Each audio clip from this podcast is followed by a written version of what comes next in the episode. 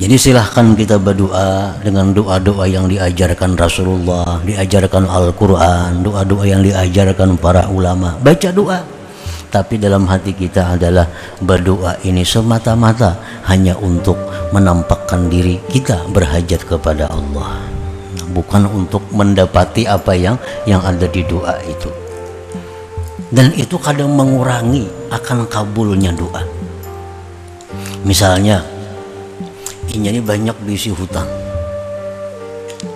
Berdoa lawan Allah. Ya Allah hamba banyak hutang. Tidak ada cara selain pada engkau yang bisa melunasinya. Maka lunasilah hutang-hutang hamba.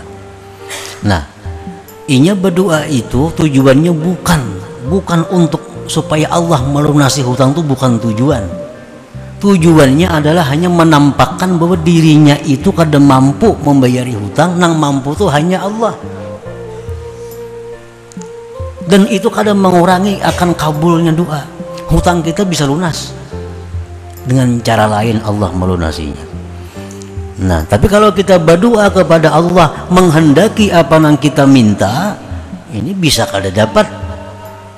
Apa yang kita minta lawan ketergantungan kita kepada Allah pun kadang nampak di hadapan Allah Subhanahu wa taala. Nah, jadi kita berdoa apakah apakah yang kita doa. Yang penting doa kita itu adalah menunjukkan kita ini berhajat kepada Allah. Menunjukkan bahwa kita tergantung kepada Allah.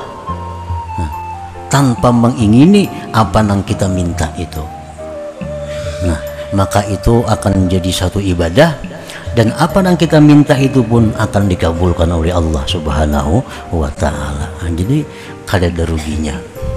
Kalau kita ambil yang ini kalau banyak dapat iftikar berhajatnya kita kepada Allah itu dapat yang kita minta pun diberi oleh Allah tapi kalau kita berdoa kepada Allah semata-mata untuk mengejar apa yang kita ingini bisa kedua-duanya kada dapat yang ini kada dikabulkan Allah karena benapsu benar berdoanya.